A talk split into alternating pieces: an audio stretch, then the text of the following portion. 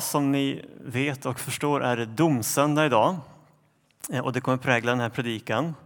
Eh, vi, det finns ju flera texter men vi fick lyssna till en lite längre kan man säga, text utifrån Uppenbarelsebokens skildring av den yttersta domen och också himlen, det nya Jerusalem som kommer ner från himlen. Eh, det finns ju en, en kraft i de här texterna som jag inte tror undgår någon av oss. Eh, just talet om domen, himlen, också de eviga straffen som finns både i den här texten och också i evangelietexten från Matteus 25 som, som vi nu inte läste. Eh, men också texterna från Uppenbarelseboken, eller Åpenbaringen tror jag ni säger. Eh, de har ju präglat mycket av vår förståelse av vad som ska hända den här dagen då vi egentligen avlägger räkenskap inför Gud. Eh, många eh, kyrkmålningar, även kanske i, olika bedehus har hämtat inspiration från de här texterna.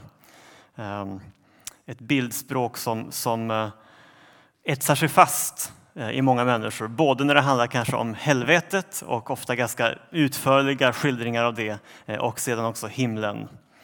Ehm, samtidigt är det ingen hemlighet att det här är både texter och på något vis ett budskap som är ganska ifrågasatt i vår tid. Ehm, hela begreppet dom har ju egentligen fått en väldigt negativ klang eh, hos, hos stor del av befolkningen. Det gäller nog lika mycket i Norge som i, i Sverige. Ehm, vi har en kultur där man har tolerans som honnörsordet nummer ett. Eh, och ofta ser man det nästan som en förolämpning att komma med åsikter på hur en annan människa ska leva eller vara. Eh, och då blir det ju inte tilltalande heller med en Gud som kommer med just sådana synpunkter. En Gud som kallar till dom på den yttersta dagen är inte riktigt efterfrågad i vår tid. Det är inte politiskt korrekt. Eh, om, om Hollywood gör en film som heter Judgment Day, då är tanken att man ska associera till någonting väldigt dystert, mörkt, kaotiskt. Eh, absolut inte till någonting gott. Eh, och här utmanar bibeltexterna vår tid eh, ganska rejält kan man säga. Ett av de mest genomgående temana i just uppenbaringen det är ju att de kristna i den boken ser ju fram emot domen. Domen är en del av hoppet, en central del av hoppet som bär genom hela uppenbaringen. Eh, för, för de kristna i Uppenbarelseboken är det eh, den slutliga återställelsen av världen som väntar på den yttersta dagen. Eh, allting som har varit fel under mänsklighetens historia, all förföljelse, alla övergrepp, allt det ska få sin slutgiltiga vedergällning. Eh, I Uppenbarelseboken 6 kan vi till och med läsa om martyrierna, alltså de som blivit dödade för sin kristna tros skull. De ropar på detta jag ska se om jag får fram det här på... Där har vi Uppenbarligen 6, martyrernas rop. Herre, du som är helig och sannfärdig, hur länge ska det dröja innan du dömer jordens invånare och utkräver hämnd för vårt blod? Det är de frommas bön i Uppenbarelseboken. Eh, så för martyrerna och för Uppenbarelsebokens kristna i stort är domen någonting gott, någonting angeläget, eh, faktiskt någonting helt och hållet nödvändigt. Det är det som styrker dem och tröstar dem, eh, inte minst under tider av lidelse och förföljelse. Ehm, och därför kan vi också konstatera att berättelsen om Guds dom och om det nya Jerusalem som en dag ska komma ner från himlen, det är själva höjdpunkten i uppenbaringen. Eh, det är slutklämmen på den vision eh, som Johannes, discipeln Johannes får ta emot. Ehm, och det är också slutklämmen på Bibeln som helhet. Eh, det är liksom de sista skälvande sidorna av hela den gudomliga uppenbarelsen som vi möter här i slutet av uppenbaringen. Ehm, så vad är det då vi får veta? Vad är det som uppenbaras i den här texten och också i kapitlen runt omkring den? Ehm, jag tänkte börja med att säga något kort om vad som händer innan den här domsscenen som vi fick lyssna till. För där kan vi läsa om hur Guds dom faller, först över Babylon och sedan över den sataniska treenigheten, alltså djävulen, odjuret och den falske profeten. Satanisk treenighet som trädde fram i uppenbaringen. Ehm, men det börjar med Babylon och Babylon är ju tecknan för Rom och står som en sinnebild kan man säga för eh, hela den här världens ondska, girighet, moraliska förfall. Ehm, och därför kan man säga att det första som Gud tar tag i i sin dom, eh, det är eh, ondskan i sin mer raffinerade form. Det korrumperade, förtryckande samhällssystemet vi talar ibland idag om den strukturella ondskan. Här är det verkligen hela systemet som döms. Det korrumperande, Eh, korrumperade och förtryckande systemet. Eh, efter det så tar Gud tag i den personliga ondskan, de demoniska makter som också finns bakom det som händer i den eh, synliga världen. Så man kan säga att det första Gud tar tag i i domen det är den strukturella ondskan. Den som finns inbyggd i systemet som alla vi människor har kört fast i. Som kommer till uttryck inte minst genom de klassiska frestelserna pengar, sex och makt. Det finns ett helt system som vi dras in i här och som förstör Guds skapelse. Och det ska drabbas av hans dom, säger uppenbaringen. Efter det kommer sedan domen över den personliga eller demoniska ondskan. Eh, även den ska underkastas Guds dom. Och det är först när det är gjort, när den strukturella ondskan, när den personliga ondskan har fått sina domar, då är turen kommen till att döma oss människor. Eh, och det är naturligtvis det vi ska fokusera mest på här idag. Eh, Paulus han skriver så här i Andra Korinthierbrevet 5 att eh, vi måste alla träda fram inför Kristi domstol för att var och en ska få igen vad han har gjort här i livet, gott eller ont. Och det är det som skildras egentligen nu i Uppenbarelseboken 20. Eh, och det första som händer är att vi får blicka in i Guds tronsal. Eh, det talas om en stor vit tron eh, och honom som sitter på den, och det är ju Gud det. Herren själv som sitter på sin tron i himlen. Det står att jorden och himlarna flydde från honom. Orsaken till det är att synden den har satt sin prägel inte bara på oss människor utan på hela Guds skapelse. Hela den här världen lever i uppror mot Gud och präglade av syndafallet. Paulus uttrycker som att skapelsen har blivit lagd under förgängelsen i Romarbrevet 8. Inte av egen fri vilja utan genom honom som lade den därunder. Och här skriver Johannes i uppenbaringen att den här skapelsen som är präglad av synden, av syndafallet, flyr för sin skapare. Skapelsen har ju blivit lagd under förgängelsen. Ehm. Men det kommer också ett löfte i Paulus utläggning av detta. Eh, och det är ett löfte som, eh, som lyder så här att det finns hopp om att också skapelsen ska befrias från sitt slaveri under förgängelsen och nå fram till Guds barns härliga frihet. Hoppet finns där, löftet är givet. En dag ska allting upprättas. Och det är just den upprättelsen som vi läser om i de sista två kapitlen i Åpenbaringen. Um, ehm, nu står det i alla fall i den här texten att alla människor samlas inför tronen i himlen. Det är både höga och låga, eh, så det är alltså oavsett rikedom, oavsett social status, alla människor ska stå inför sin skapare. Eh, de som har dött för länge sedan finns där och även de som har dött nyligen. Och några få kommer ju även att vara levande själva när Jesus kommer tillbaka. Eh, inte så få, några miljarder, men det är många som hunnit dö också innan den dagen, det vet vi. Ehm, alla står de i alla fall tillsammans inför tronen i himlen. Eh, hela mänskligheten är på plats, oavsett tro, oavsett kultur, oavsett tidsålder. Eh, alla är ju trots allt skapade av Herren, oavsett om vi har erkänt det och sett det under våra jordeliv eller inte. Så alla kommer att få göra räkenskap för sina liv på den yttersta dagen.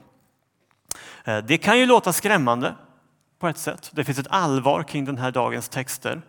Ehm, och jag tänker att det är någonting sunt också att vi ser det allvaret. Eh, om domen inte skapar åtminstone någon form av bävan i oss människor så är frågan om vi riktigt har lyssnat in de här texterna.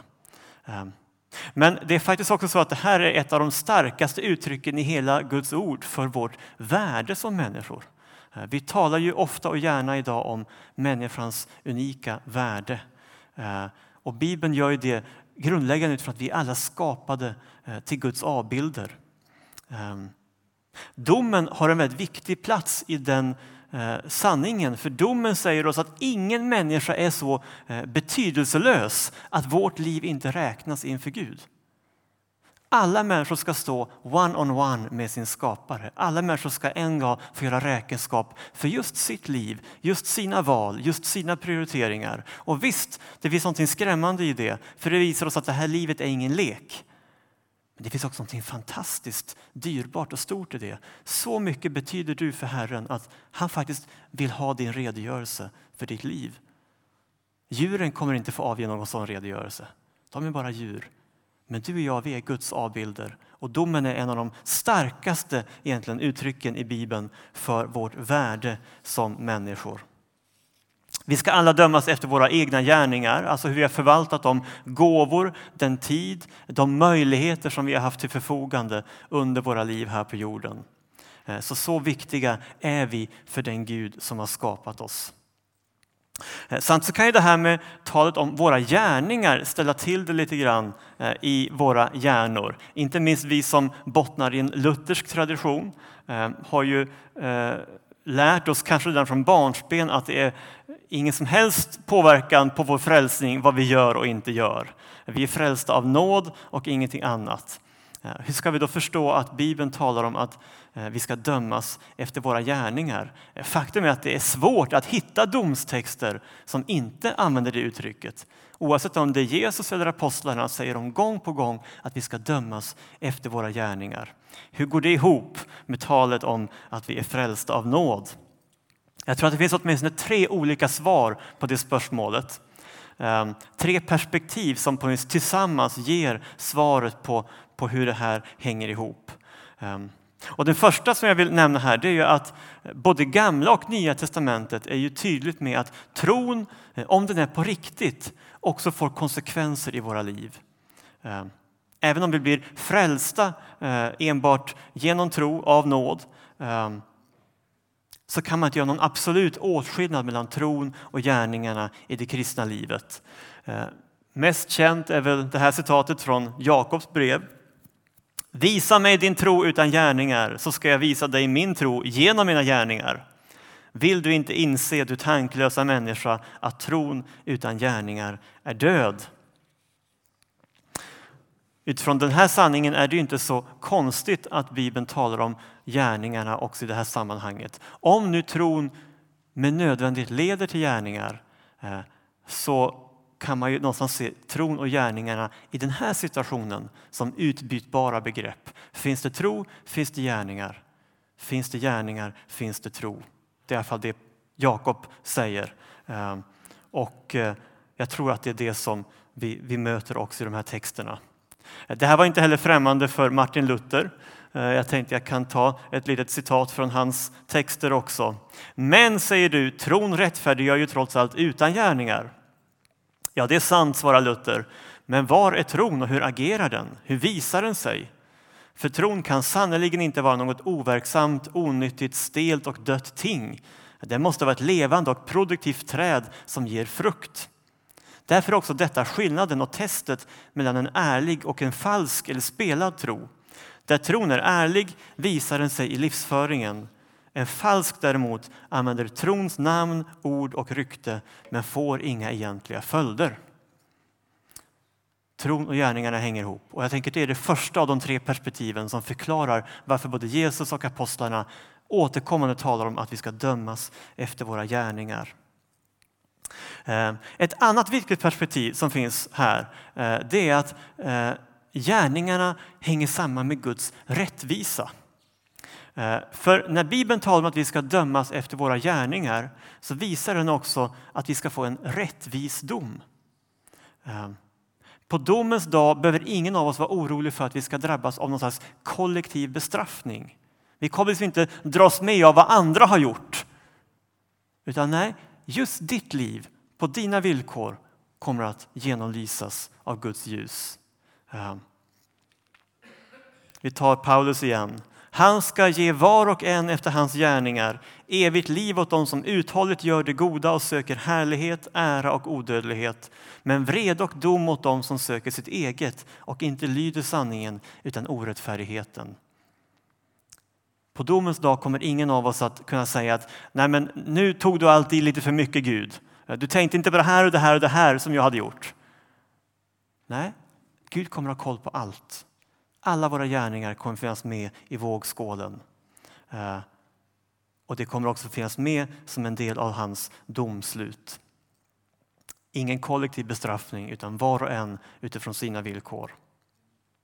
Och så ett tredje perspektiv som jag tror är kanske minst lika viktigt som de andra två.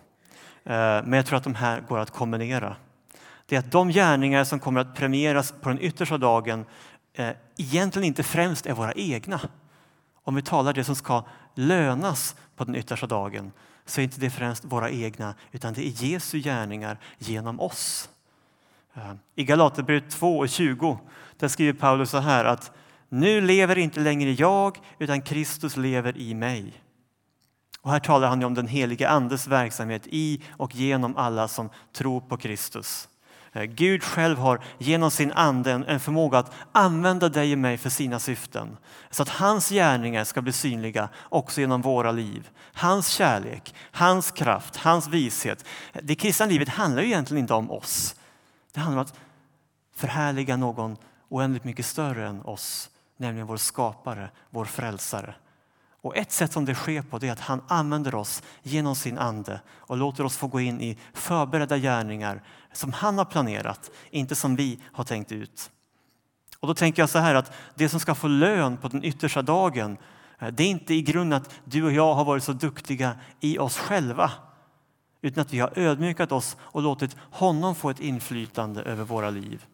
Att vi har ställt oss under Jesu herravälde och att vi på så sätt har blivit kanaler, inte bara för vår egen kraft och vishet, utan för hans kraft. Det är inte du och jag som kommer vara i centrum på domens dag, utan det är en enda som kommer vara i centrum. Och han lovsjungs i uppenbaringen så här.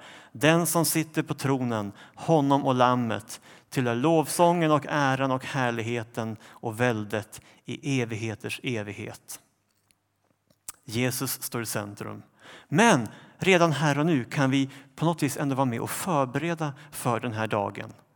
Och vi kan i någon mån också påverka i vilken utsträckning Jesus kommer att förhärligas på den dagen. När vi släpper in Jesus i våra hjärtan, när vi ställer oss till Guds förfogande, då kan han få börja göra sina gärningar genom oss. Och de gärningarna ska prisas i all evighet. Det han har gjort, det han har utfört, hans verk. Och faktiskt tror jag man kan säga också så här att det värsta som kan hända på den yttersta dagen det är att ställas inför insikten, faktumet att i slutändan handlade våra liv bara om oss själva. Det var bara jag, det var bara mina gärningar, det var bara min kraft.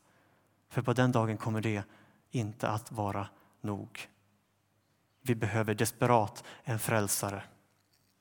Så det är tre olika perspektiv som jag tror tillsammans förklarar varför Bibeln så starkt talar om att vi ska dömas efter våra gärningar. Det första är att vår tro och våra gärningar trots allt hänger ihop, som både skriften och Luther sa om ni minns. Men också att en rättvis dom förutsätter att Gud också har koll på våra gärningar. Eh, att det inte är en kollektiv dom utan en individuell där våra förutsättningar bedöms. Och det som djupast sett sen kommer att belönas på den dagen, det är inte egentligen våra gärningar för Gud, utan det är Guds gärningar genom oss. Sen är det också intressant att om man läser noga den här texten i Uppenbarelseboken eh, så ser vi att det är faktiskt inte gärningarna i sig som avgör var vi till sist hamnar. Våra gärningar är i centrum av domen, ja. Eh, men det som avgör om vi faktiskt blir insläppta i det nya Jerusalem eller om vi blir kastade i eldsjön, det är inte våra gärningar. Det står visserligen om ett antal böcker där våra gärningar finns upptecknade och vi kommer att bli dömda utifrån det som står där. Vi ska var och en få en rättvis prövning eh, avpassad efter våra förutsättningar. Men om ni noterade det, så det som avgör om vi faktiskt blir räddade från förtappelsen, det är en annan bok det är om vi står i Livets bok. Du har två uppsättningar böcker. Gärningarnas bok börjar man med och de är viktiga. av de här skälen som jag har visat. Men det som i slutändan avgör om vi hamnar i det nya Jerusalem, det är om vi har våra namn i Livets bok. Alltså om vi tror på Jesus Kristus, han som är vägen, sanningen och livet. Och Det som är påtagligt i hela Nya testamentet är ju att Jesus själv så tydligt står i centrum av beskrivningarna eh, av den yttersta domen. Nu läste vi inte evangelietexten, men den är då från Matteus 25 och det är en berömd liknelse om fåren och getterna. Jag skulle tro att många av er känner igen den. Eh, och den inleds med orden att när Människosonen kommer i sin härlighet tillsammans med alla sina änglar, då ska han sätta sig på härlighetens tron och alla folk ska samlas inför honom och han ska skilja människorna som herden skiljer fåren från getterna. Det är Jesus som står i centrum av domen. Det är han som ska vara vår domare. Han ska skilja fåren från getterna. I Johannes 5 Eh, kan vi också läsa att Jesus säger att Fadern har helt överlåtit domen åt Sonen för att alla ska ära Sonen liksom de ärar Fadern. Den som inte ärar Sonen ärar inte heller Fadern som har sänt honom. Alltså när vi på den yttersta dagen ska göra räkenskap inför vår skapare ja då är det i själva verket skaparens son vi kommer att möta. Det är Jesus Kristus själv. Eh, och jag tänker att i det här ligger det också en väldig tröst. Ehm, det befriande med Jesus är att han, han är ju inte bara vår domare. Ehm, framförallt framför allt är han också den som genom sin död har betalat priset för all den synd, all den ondska som vi har gjort oss skyldiga till under våra liv här på jorden. När Jesus dog på korset var det för vår skull, för vår själviskhet, för vår falskhet, våra kompromisser. Och därför blir det också ganska självklart att Jesu djupaste längtan det är ju inte att döma någon människa till förtappelsen. Även om han är tydlig med att han ibland kommer vara tvungen att utdöma den domen. Men den djupaste längtan som Jesus har eh, det är att vi ska komma till tro på honom. Att vi ska säga ja till hans tillgivelse så att det pris som han redan har betalt för vår skull, det offer han har blivit på korset, att det ska få vara till välsignelse också för dig och mig. Så älskade Gud världen att han gav den sin enda son, skriver Johannes, för att de som tror på honom inte ska gå under utan ha evigt liv. Det är Jesu djupaste önskan för vår del. Eh, och det innebär att den Herre som du och jag ska möta på den yttersta dagen, det är den Herre som redan har gått i döden för att ha en möjlighet till en frikännande dom för alla som faktiskt vill ha med honom att göra. Och det om något bör ju inge ett hopp i oss människor. Det är en domare som har gjort allt för att slippa döma. En svensk poet från 1600-talet, Lasse Lucidor, jag skulle inte tro att ni känner till honom här, men han har en liten eh, vers, det kanske jag inte ens fick med där. Jag läser den så här. Domen fruktar jag väl stort efter jag har illa gjort. Men den trösten jag ej glömmer att min broder Jesus dömer. En ganska härlig formulering. Domen fruktar jag väl stort efter jag har illa gjort. Men den trösten jag ej glömmer att min broder Jesus dömer. Ja, men det kan vi också ta till oss och stämma in i. Eh, att tro på Jesus det är att tro på livet. Den som hör mitt ord och tror på honom som har sänt mig, han har evigt liv, säger Jesus. Johannes 5. Och där var den. Han faller inte under domen utan har övergått från döden till livet. Och vad är då detta liv som Jesus talar om? Hur är det tänkt att se ut? Hur är det tänkt att gestaltas? Ja, som avslutning vill jag säga någonting om det nya Jerusalem. Vi kan läsa texten en gång till. Jag såg en ny himmel och en ny jord. Till den första himlen och den första jorden var borta och havet fanns inte mer. Och jag såg den heliga staden, den nya Jerusalem, komma ner ur himlen från Gud, redo som en brud som är smyckad för sin man. Och från tronen hörde jag en stark röst som sa Se, Guds tält står bland människorna och han ska bo bland dem. och de ska vara hans folk och Gud själv ska vara hos dem.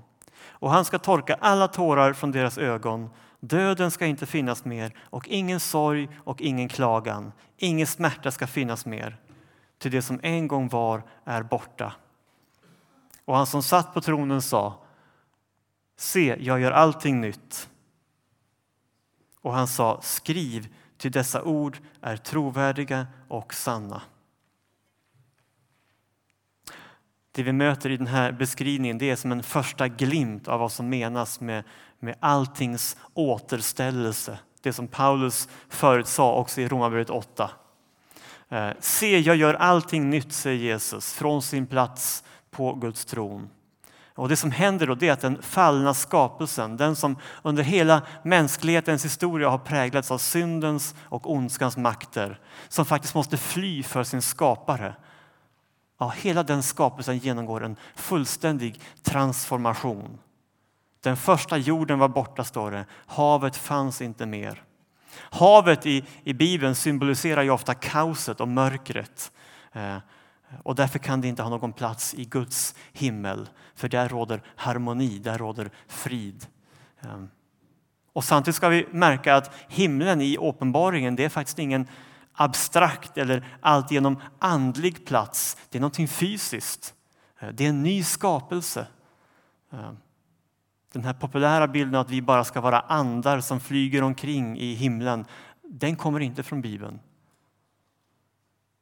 Och Det är också slående att de som tror då på Jesus, eh, de flyttas inte upp till himlen. Eller hur? Det är himlen som kommer ner och möter mänskligheten på jorden. Visserligen är det en del nya spelregler för alla ska möta honom, även de som har dött tidigare. Så någonting dramatiskt sker i samband med detta. Eh, men det är faktiskt inte så att vi lämnar jorden och kommer till himlen. Himlen kommer ner till oss, det nya Jerusalem. Eh, Guds tält står bland människorna, skriver Johannes. Och med det syftar han på Guds tabernakel, alltså det som i Gamla testamentet var Guds helgedom bland israeliterna. Som representerade Guds manifesterade närvaro eh, bland sitt folk. Så hela poängen här är att syndens och ondskans effekter på Guds skapelse, de är utraderade, de är borta. Och Gud upprättar det som vi från början var skapade till som människor, nämligen det fullkomliga fällskapet med Herren själv. Johannes 17, där uttrycker Jesus själv det med de här orden. Detta är det eviga livet, att de känner dig, den enda sanne guden och honom som du har sänt, Jesus Kristus. Himlen är i grunden fällskap med Herren själv. Och resultat av det är för någonting fantastiskt. Gud ska torka alla tårar från deras ögon, skrev Johannes. Döden ska inte finnas mer. Ingen sorg, ingen klagan, ingen smärta ska finnas mer. Till det som en gång var är borta. Återstår bara en sista fråga. Vill och vågar vi ta till oss de här löftena? Vågar vi lita på ett löfte om ett liv efter detta? Och är vi också beredda att lyssna till Bibelns författare när de försäkrar om att vägen in i de löftena den går genom Jesus Kristus och ingen annan än Kristus. Bibeln själv är i alla fall tydlig. Dessa ord är trovärdiga och sanna, säger Jesus. Han försäkrar oss som läsare, det här är på riktigt. Det kan låta abstrakt, det kan låta långt borta, men det är på riktigt. Man kanske kan likna Uppenbarelsebokens beskrivningar av himlen som Eh, den bästa och mest fantastiska resekatalog man kan tänka sig. Så här års är det många som bläddrar i resekataloger, drömmer oss bort till varmare länder. Uppenbarelsebokens skildring av det nya Jerusalem, det är ju på ett sätt bildspråk. Någonstans förstår vi att det finns bilder här som, som kanske inte är en exakt återgivning av alla detaljer i himlen. Ehm, men de finns där för att väcka en insikt, ehm, en längtan i oss efter att det här är någonting som bara Gud själv kan ge oss. Så frågan till sist då, vill vi ta emot den gåvan? Vill vi böja oss under Jesus, Guds son som har vunnit den här härligheten för vår skull? Vill vi ta emot nåden och förlåtelsen, tillgivelsen genom hans kors? Ja, om svaret på de frågorna är ja, då kan vi också se fram emot den yttersta dagen med ren glädje. Bortom domen väntar den himmelska tillvaron som är det eviga fällskapet med Jesus själv.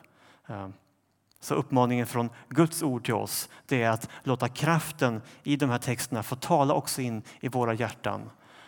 Både allvaret och glädjen. För det ena kan inte tänkas utan det andra. Låt dem få väcka tro, låt dem få väcka hopp.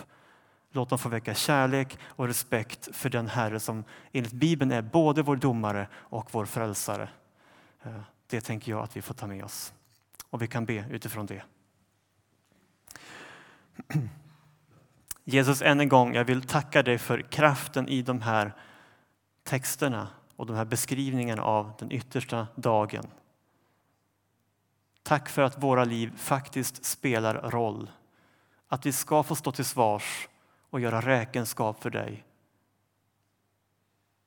Herre, du vet de av oss som kanske inte är redo för en sånt möte som ännu inte har sagt vårt helhjärtade ja till dig som vår frälsare. Då ber jag Jesus att du ger oss tron och modet att ta emot dig på det sättet. Jag ber för de av oss som har tappat vår längtan och vår, vårt förtroende för dina texter om himlen. Ditt löfte om himlen. Låt den här dagen få vara en påminnelse än en gång för oss om vad du faktiskt har tänkt för oss och för hela skapelsens återupprättelse. Och så ber jag för oss alla här att vi får leva våra liv i ljuset av den yttersta domen. Att vi här och nu får förvalta våra gåvor, våra förmågor, vår tid, våra relationer, våra pengar. Allt det, Herre, på ett sätt som ger dig ära. Tack för att domen inte bara handlar om där och då. Det är någonting som får leva med oss här och nu. Och sann vishet, det är min övertygelse, det är att de här texterna får prägla också vår vardag här och nu. Låt det ske, Herre. Det vill jag be i Jesu namn. Amen.